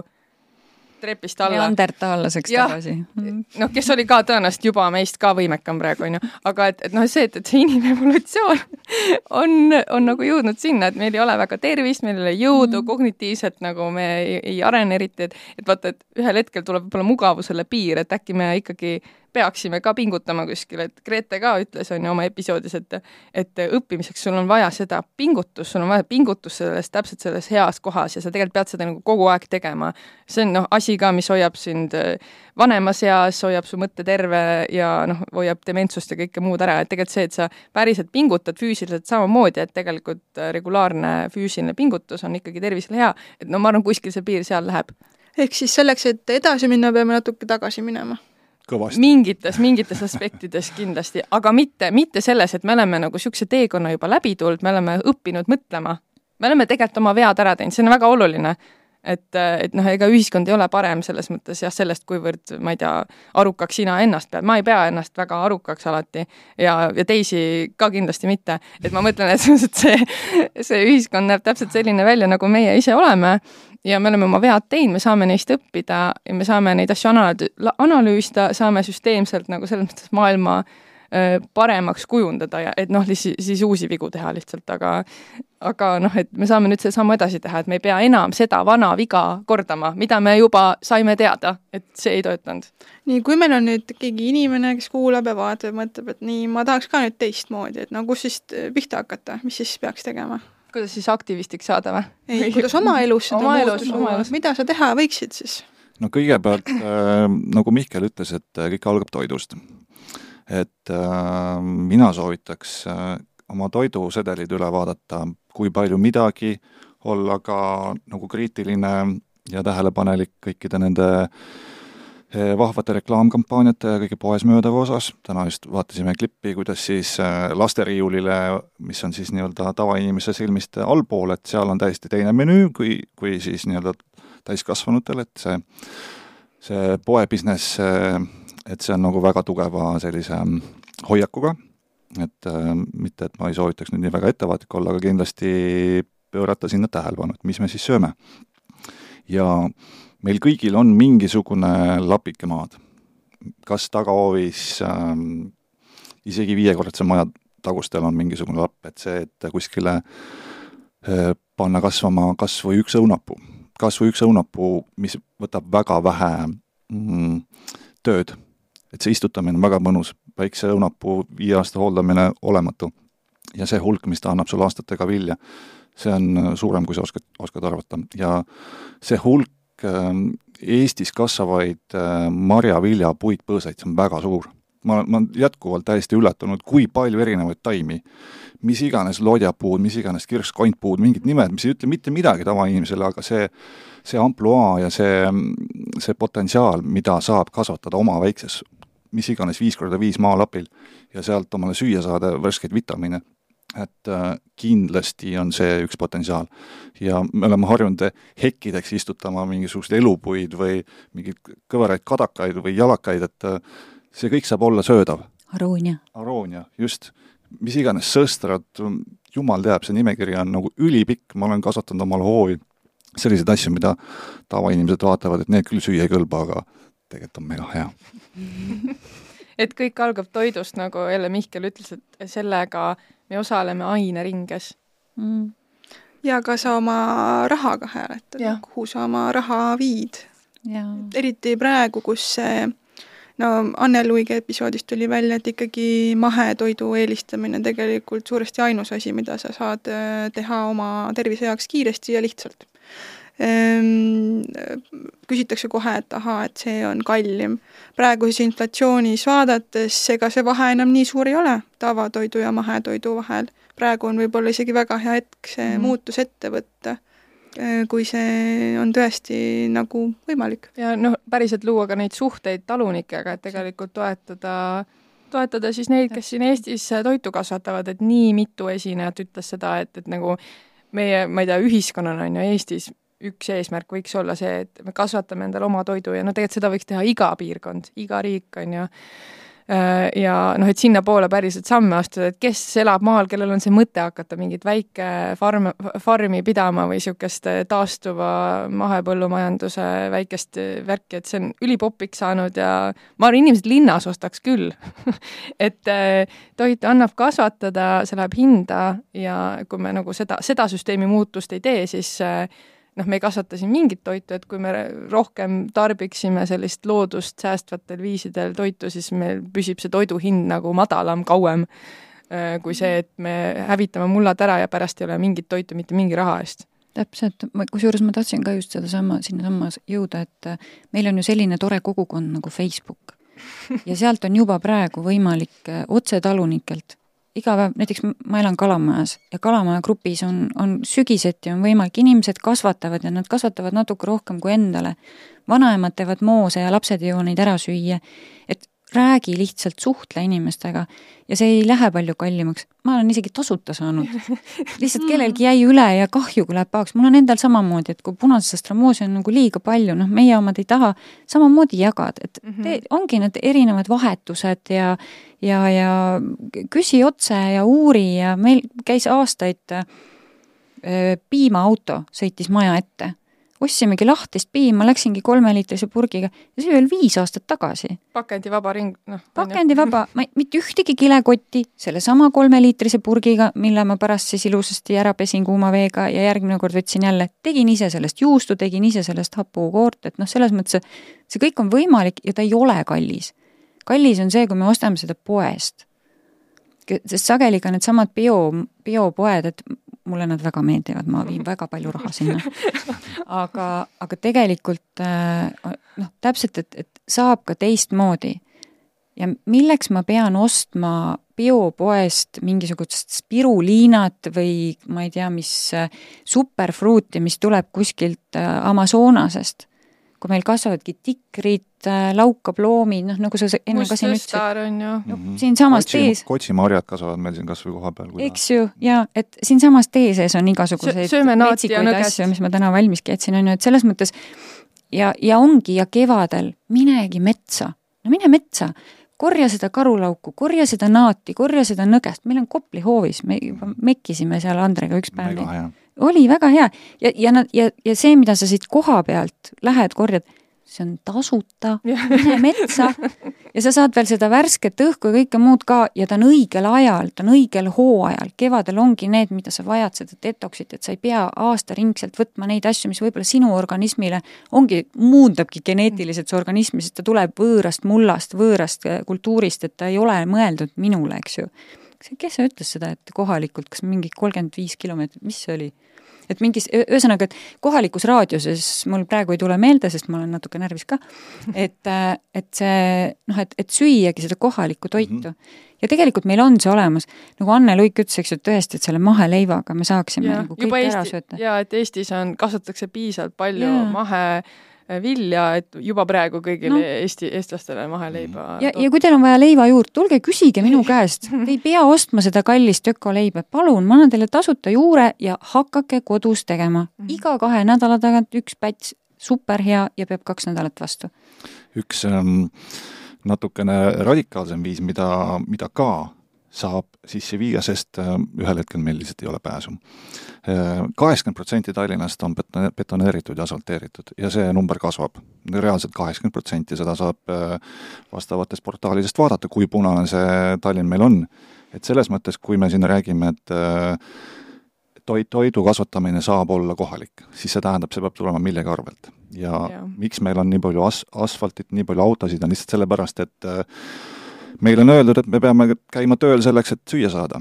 aga tegelikult saab olla vastupidi ka, et äh, Ameerikas on palju selliseid äh, aktiivseid noori, kes kutsuvad ennast deep pavement aktivismiks, nad võtavad asfalti üles ja panevad sinna puitpõõsaid taimist. gerilja, me teeme ka seda Koplis. me teeme ka seda. et äh, kahjuks see, see asfalteerimine ei anna meile ei õhku, ei toitu, ei vett, ei mitte midagi, see on lihtsalt surnud pinnas ja lihtsalt selleks, et me käiks tööl. ja, ja siia noh, välja tuua see, et okei okay,, see on nagu radikaalsem niisugune vaatepunkt, aga juba lihtsalt see, et kui sul on see nii-öelda Tallinna kesklinna ümber on see ala, kus siis äh, on need vanad töölisasumid, on ju, ongi Kalamaja, Pelgulinn, Äh, Uusmaailm, Kassisaba, kõik on ju need siin ümber, Kadriorg, nii paljudel majadel on olnud roheline aed, et vanasti ta oligi päriselt funktsioon, noh, niisuguse no oluline ressurss, kus päriselt kasvatatigi toitu, ma ei tea, peeti kanu, mida iganes. et äh, kui teil on käsil sellise maja renoveerimine, kus on hoov, siis ärge pange sinna parklat, ärge palun nagu võtke seda mulda sealt ära ja tehke sinna parkimisplatsi, see on nagu õudne, mul lihtsalt nagu süda tilgub verd, kui ma näen neid, neid projekte. Jah, me ka, meil käis ka ju Harri Moora siin äh, külas võib-olla rohkem tõstatamas seda perspektiivi, et mis on üksikisiku vastutus ja mis on süsteemi vastutus, et praegu me oleme rääkinud siin üksikisikust mm. -hmm. aga mis me saaksime laiemalt seda süsteemi muutmiseks äh, teha? kas saab olla sellist asja, et me saame anda juriidilise keha loodusele? kui keegi kuuleb, selline asi on võimalik kas me saame mullale anda juriidilise keha, et me saame teda seadusega kaitsta? Selles mõttes see on nagu suur küsimus, et äh, ma olen kirjutanud kirjasid ja pahandanud äh, Facebookis ja et siis ongi, et kui, kui tehakse, et kas talvel lumekoristustööd, kui istutatakse suuri valgusteid kuskile, siis äh, mitte üks töö allhankija ega järelevaataja ei hoolitse selle eest, et see muld seal ümber saaks ilusti taashaljastatud, neid Põhja-Tallinna neid äh, uusi tänavaposte on väga palju, kus on lihtsalt järel meeletu hulk illustikku ja see vaatepilt on lihtsalt inetu. ehk siis keegi ei ole kohustatud, postid on ilusti pandud, valgustik põleb, milles probleem? probleem ongi see, et ei nähta tervet pilti, et siis kuidas seadusandlus saaks sinna kaasa aidata jah, et head ametnikud, kes te meid kuulate, teil on ka suur jõud, teil on suur jõud selles osas, mida kirjutatakse hangetesse, mida kirjutatakse tingimuseks, milline see asi peab pärast välja nägema pärast seda, kui seal on kõik möll, mis iganes tehtud ära teehooldustöödega, ehk siis äh, laiemalt ka võib väikesest mõttest sündida suur muutus. ma natuke ikkagi kiidaksin ka Tallinna linna, kui me siin oleme juba ka niimoodi ka Tallinna linna abiga täna siin istume, et äh, sel aastal ju istutatakse Tallinnasse neliteist äh, lilleniitu ja kü-, rajatakse, kas see oli kümme, ma täpselt ei mäleta, aga kümme toidusalu avalikku. et ka sellised asjad on, et noh, see rohe, rohepealinna tiitel on nagu toonud ka Tallinnale teadlikkust ja, ja mingid projektid ju on, ja, ja tegelikult noh, nagu ma teile ka siin üks päev ütlesin, eks ju, et me viskasime selle kivi siia mulda ja me ei tea, mis sellest sündima hakkab. et see, mis me siin räägime, tegelikult kümne aasta pärast me saame aru, mida me siin tekitasime, eks ju. et äh, mulle tundub, et nende viimaste, ütleme, noh, kolme aastaga kindlasti, võib-olla isegi viie aastaga, on, on ka linnas hakanud muutuma ja mul on selline nagu naljakas tunne, et see muutus äkki saabki alguse linnast, sest meil on lihtsalt nii kõrini. me oleme nagu nii betoneeritud, olemegi siin nende kastide vahel, et võib-olla maainimene ei saagi aru, ta mõtlebki, et noh, nagu lilleniiduga, mida meie rajame väga raske tööga ja laseme, ostamegi kalli seemne, mis on käsitsi korjatud, on ju, aga maainimene ütleb, et aga mul kasvab maja taga on tead seal kolm hektarit kasvab sedasama asja. et poolt aega niita, on ju. poolt aega niita, on ju. et, et tegelikult võib-olla seesama linnainimene, kellel nagu ühel hetkel saabki nagu sellest nagu nii kõrini või et lihtsalt see, see niimoodi küllastub või et, et me lihtsalt jääme nii haigeks hmm.. et mm, -hmm. et me peame hakkama seda päästma, et äh, ma ei tahaks nagu päris mu nagu mustalt seda võtta, et mulle tundub, et me liigume sinnapoole ja kui ma võtan tagasi vot täpselt sellesse aega, mis oli nüüd see kaks tuhat viis, kui ma SRIK-i läksin ehk Säästva Innoveerimise Infokeskusesse ja, ja me lõime sellise asja nagu Ökomäss, mis oli äh, siis esimene Eesti ökoteemaga seotud äh, mess või sündmus, festival kus noh, ei teadnud keegi midagi, siis makroflex oli kõige tähtsam asi maailmas. ja siis tulevad mingid, mingid, ma ei tea, Lubi Krohvi ja Savi Krohviga ja mängivad mingite mudapallidega, eks ju, ja räägivad mingisugusest hipoteraapiast ja, ja, ja teevad seal mingit permakultuuri, andke andeks aga see ei saagi ju enne tulla, kui see haigus on nii sü-, sügav ja süvenenud, et tõenäoliselt selle selle näitamine ongi üks osa sellest, et kui ainult istutada ja külvata, aga teine, teine mees, kes teerulliga tuleb, ei näe seda, siis noh, mõlemale tuleb justkui tähelepanu tõmmata. aga ma mõtlen, see on mingi narratiiv, meil on nagu mingi traditsioon, et kui ma teile just paar päeva tagasi ütlesin, et mulle tundub, et mitte midagi ei ole muutunud sellest ajast saadik, eks ju, sellest kaks tuhat, kaks tuhat ja nii edasi, on ju, siis mulle tegelikult tundub, et ta nagu vaikselt muutub, aga me kuidagi laseme selles mugavustsoonis ja meil on see mingi oma narratiiv ja ongi oma traditsioon ja me oleme nii harjunud, sest juba meie vanemad tegid nii ja nende vanemad tegid nii ja me ei mäleta enam neid vanavanemaid, kes tegid teisiti, eks ju. et, et kuidas me saaks seda narratiivi muuta äh,? Anne-Mai, sa küsisid, et mis on siis see nagu, et me ei saa üksikisikule tegelikult keskenduda, et äh, meil on mingis mõttes käed seotud äh,. see on väga keeruline, see, see ongi väga keeruline positsioon, et ütleme siis, et teeme siis need seadused ümber loome mingid võimalused, teeme siis seda asja nagu paremaks sealt kuskilt kõrgelt, on ju, vaadatuna.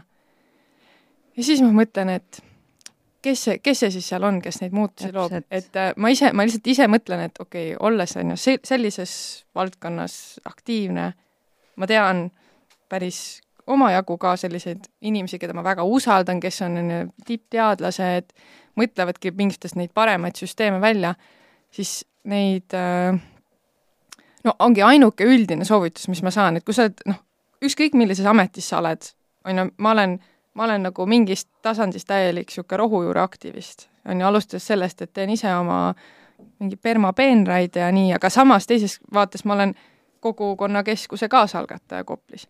et äh, mul on nagu mitu rolli et minu aktivism tegelikult peegeldub selles ametis, ma võiks olla ka mingisugune linnaametnik, ma võiks olla, ma ei tea, üritada kuskile ministeeriumisse tööle saada, on ju, et tegelikult noh, et minul inimesena on võimalik iga, igal tasandil tegelikult äh, kuskilt seda asja sudida.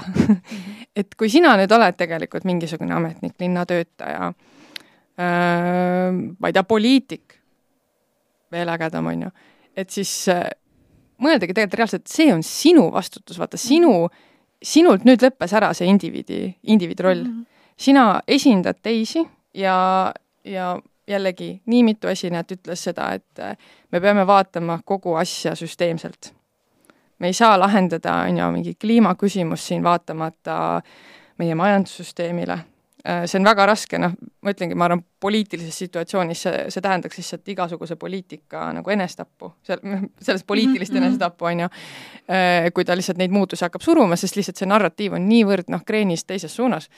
Äh, aga, aga lihtsalt seda, et kuskilt, kuskilt see vastutus, kuskilt nagu need sudimised peavad alguse saama ja kui sinul on selline roll, vastutus, ma ei tea, isegi oled sa kuskil ettevõttes siis äh, olulisel kohal, kes saab neid valikuid teha, siis sa tead, et tegelikult sinul on palju rohkem vastutust kui teistel, kellel ei ole neid äh,, kellel ei ole seda rolli, ma, ma, ma siiralt arvan, et on nii palju ettevõtteid, mida tegelikult ei ole, ei ole meie maailmas siia heaoluks vaja, mis on ekspluateerivad, mis on meie tervisele kahjulikud, et kui sina oled nüüd see noor seal ülikoolis on ju, oled mingi turundusspetsialist, mõtled, et oh, et saaks ainult kuskile tööle siis ära mine sinna kohta tööle, mis tegelikult päriselt kahjustab meie tervist, kahjustab meie tuleviku väljavaadet, esindab, prom-, promob neid väärtusi, mis tegelikult meid nagu ühiskonnana põhja lasevad, et jah, et sa võtad tegelikult, see oli nüüd sinu vastutus. ja noh, et kui sa oled talent ja sa sinna ei lähe, siis äkki läheb keegi, kes ei ole nii suur talent ja tegelikult teeb kehvemini ja sa, sa paned oma panust kuskile mujale.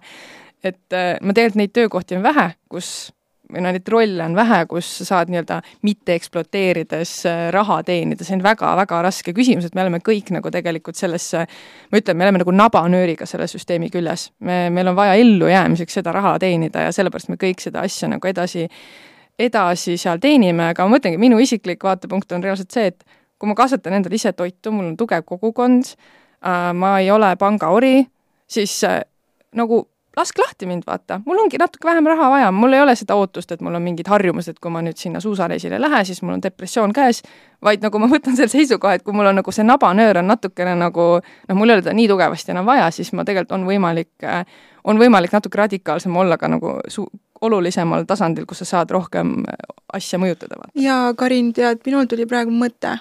tuli mõte, et praegu on väga popp teema rahaline vabadus mm. -hmm. mis asi on tegelikult see, tegelikult see, mida sa kirjeldad, on rahaline vabadus, mitte see, et sul on hullult palju raha mm, -hmm. vaid see, et sul on kõik see, mis sind ära toimub, ilma selleta, et sa peaksid teenima juurde. jaa, just et äh, tegelikult on ju, kui selle finantsvabaduse teemadesse süveneda, siis need inimesed on üldiselt nagu päris niisugused conscious ja tegelikult on need inimesed, kes on väga minimalistlikud, kes tegelikult ei raiska, äh, noh, et see on nagu mingi osa sellest kultuurist, mis ma näen, et kuigi ta on otseselt seotud rahaga ja ka Marko tegelikult väga palju on ju oma podcast'i rääkis seda teekonda, et ta rääkis enne finantsvabadust, ta rääkis, et tal on vaja nagu une ajal raha teenida, on ju.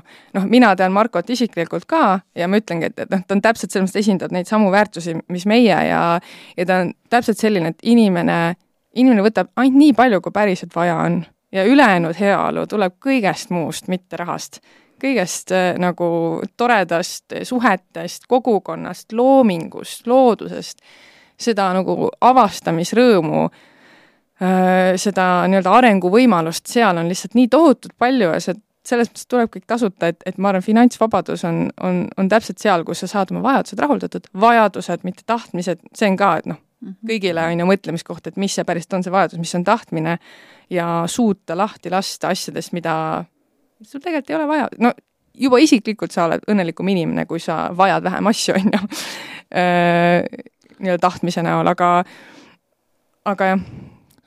Mihkel ütles ka, et kogu see mm, nii-öelda tootmisüksus, kes meie ümber on, see masin, et see tegelikult tuletab meile kogu aeg meelde seda, mis on äh, meie tahtmised, mitte meie vajadused, et mulle tundubki, et kui sa küsid, et mis on nii-öelda see äh, finantsiline vabadus või üldse vabadus, et siis äh, ma arvan, et kõigepealt see algabki sellest, et sa suudad vahet teha. sa suudad vahet teha sellest, mis on sinu vajadus ja mis on sinu tahtmine. ja, ja öelda ei. see ei ütlemise koht on hästi oluline ka nii-öelda nende mm, vahvate tööpakkumiste või võimalustega, mis su ellu tulevad, et ähm, mina olin ka, aastaid olin selles kohas, kus ma lihtsalt ütlesin ei, ma ei võta ühtegi tööd vastu, mis sest, et mul on väga raske, aga kui ma näen, et ei ole midagi sellist, mis tegelikult ühtib minu tõekspidamiste või eetika või sellesama vajadusega, siis ma lihtsalt ootan või püüan luua või ära tunda, mis see koht on ja lihtsalt öeldagi ei nendele asjadele, mis tegelikult töötavad ainult süsteemi heaks, aga mitte nii-öelda ühiskonna või kogukonna jaoks mm. -hmm. ja õpetame seda oma lastele ka, eks ole. just. mulle hästi meeldis see, kuidas me Kopli üheksakümne kolme kogukonnaga panime paika oma põhiväärtused. et äh, meil oli selleks töötuba ja me kut-, kutsusime kogu oma kogukonna kokku ja, ja tegelikult need põhiväärtused hästi paljuski ühtisid. et kui, kui me nagu iseenda jaoks paneme kirja, mis on meie põhiväärtused. mis on see õnneliku elu valem põhimõte? mis on minu õnneliku elu valem, jah mm. -hmm. ma arvan, et siis hästi palju tahtmisi kaob ära. ja me saame aru, mida me päriselt vajame. ja me saame neid luua nagu teistmoodi. me ei pea selle jaoks käima suurt raha välja, me ei pea tegema emotsioonoste, me ei pea ennast asjadega ümbritsema, me saame, võib-olla ongi meil naabrid, läheme kellegagi, võib-olla me kulutame selle raha rohkem kultuuri peale, õppimiste peale, teadmiste arendamise peale, et ähm, ma arvan, et see ka muudab mm. -hmm. et mulle tundubki, et see enda sellise eetikaruumi paika loksutamine on samm number üks ja siis tulebki kogukond, need inimesed, kellel on needsamad väärtused ja siis proovida koos neid muudatusi ellu tuua, luuagi needsamad äh, nii-öelda kokkulepped, mis, mis on teil ühised, ühised väärtused ja siis selle pealt hakata looma, noh, nii nagu meie siin, et tegelikult me teeme seda puhtalt oma väärtuste baasil ja ja see kannabki vilja. see Harry Moora ütles seda, et väga paljud halvad otsused ja valikud tulevad lihtsalt selle pinnalt, et meil on teadmisi puudu, et me ei oska lihtsalt paremini Just. ja Andres ütlesid, et, et leiame need inimesed, kellega meil need väärtused ühtivad, et mis meie, on ju, Koplis oleme avastanud ikkagi kus on noh, täielik niisugune kirju loomaaed, ma ütlen, me oleme inimestena seal, meil on nii sarnased väärtused kõigiga, et see, kuidas see väärtus ennast nii-öelda teinekord äh, äh, nii-öelda ilmutab, see on erinev lihtsalt sellepärast, et mõni inimene võib-olla, ma ei tea, tahab mullast rohkem, mõni tahab tea-, taimedest rohkem, et no teinekord on nii, et no mõni lahendus ikkagi teenib ka selle enda inim-, sellesama inimese väärtust rohkem kui see tegevus, mis ta siis parasjagu teeb. aga see, et koheldagi ikkagi kõiki nagu armastusega, et tegelikult ta ikkagi päriselt andis endast parima ja me saame teadlikkust tõsta nagu efektiivsete meetoditega, niisugust ühisõppimist rakendada, küsides küsimusi, uurides seda teist perspektiivi, nii-öelda mitte vihaga, mitte niisuguse, on ju, selle põgeneja või võitleja reaktsiooni pealt, vaid et päriselt nagu armastusega Äh, et avada seda, et kus see, kus see mõte, kus see maailm, maailm inimesel tegelikult on sündinud ja, ja luua seda ühist keelt, et kogukond on nii valus teema, ma arvan, paljude jaoks, sest me lihtsalt, meil on mingi tohutu trauma lihtsalt teiste inimestega, ma arvan, see, see kogus keskealisi mehi Eestis, kes on mingi niisuguse asja peale, kui ma ütlen, sa pead hakkama nüüd inimesega suhtlema, mis asja ma olen kõige teinud selleks, et lihtsalt suuta inimestest nagu põgeneda eemale, on ju, üksi maja kuskil kaugel keset metsa, on ju, naabreid ei ole, kellegagi suhtlema ei pea, noh, täiesti niisugune, et noh, et see on nende nagu niisugune noh, nende niisugune rahutsoon, aga tegelikult eks see selline käitumine tuleb ka sellisest traumast, et et, et inimene noh, me võime ka kas või õppida, on ju, hästi oma piire kehtestama, et, et see ei, tegelikult teine inimene, kui ta kuskil seal liigub, ei ohusta sind, kui sa paned talle, nagu sa väljendad oma vajadust, et sul on mingi niisugune privaatsusruum ja sellised, sellised asjad, sa oskad seda väljendada, mitte ei lähe juba enne krampi, et ei, et see nüüd kohe üldse ei lähe, ainuke asi on nagu võitle, lükka ära, mida iganes. et äh, jah mul tuleb palju huvitavaid isiklikke lugusid, kuidas ma ka kodus äh, oma küla peal olen mingisuguseid asju, mis mina teen, mis naabreid häirib, olen kuulnud küla pealt, mitte otse nagu tulge, öelge otse, ma oleks kohe mingi jaa, muidugi, ma teen teistmoodi, nagu nii tore, et sa ütlesid. ma ütlen sinule ka teinekord, kui midagi tuleb, see turvatunne on ju, mis tuleb mm. sellest. aga see suhtumine, vaata, et ma ei saa nagu midagi negatiivset öelda, ma ei saa ainult kehtestada mitte midagi, no et see on ka üks asi, mida ma päriselt soovitaks nagu igaühele, et et kahtle kõiges, mis sa näed mõtle süsteemselt, selles mõttes ka seda, et et kui sa arvad, et sa oled juba mingis asjas saanud nagu täiega eksperdiks, siis nagu humbleness või niisugune vaoshoidlikkus, et mitte eeldada, et sa nüüd oled kõige targem inimene ruumis, pead kõiki teisi alla suruma, no see on juba see üks üks koht, kust alustada ja eriti, kui sa oled positsioonidel, rollides, kus sul on tegelikult vastutus ka teiste ees, kus sul on võimalus luua seda nii-öelda käitumise muutust äh, nagu ka teiste jaoks kogu ühiskonnas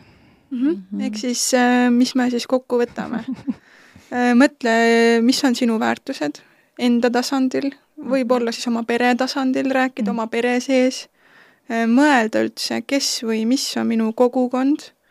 kas sul on üldse kogukond? jaa, ja püüda siis teha seda, mis sa saad oma positsioonist lähtuvalt. mõelda, kas see töö, mida ma teen, täidab minu väärtuste tassi. mõelda, kas see, mida ma oma perega koos teen, kas see on meie väärtustega kooskõlas, kas see kogukond, eh, mis mul on praegu, on minu väärtusega kooskõlas? võiks umbes niimoodi kõlada see mm.. jaa, võib-olla ainult lisaksin selle, et, et väga palju ressursse on, on lihtsalt tasuta ka. et eh, ongi, et söök, inimesed Äh, nii palju on asju, mida me lihtsalt ei näe, ei ole osanud avastada, et, et kes igatseb finantsvabadust, et siis võib-olla alustada ka sealt. jah, et äh, finantsvabadus on tegelikult ju ajaline vabadus, sa igatse seda, et sul oleks aega toitu kasvatada, et sul oleks -hmm. aega suhelda, et me Teha räägime tegelikult loomingut. ajast, eks ole ja saa loodusega sõbraks.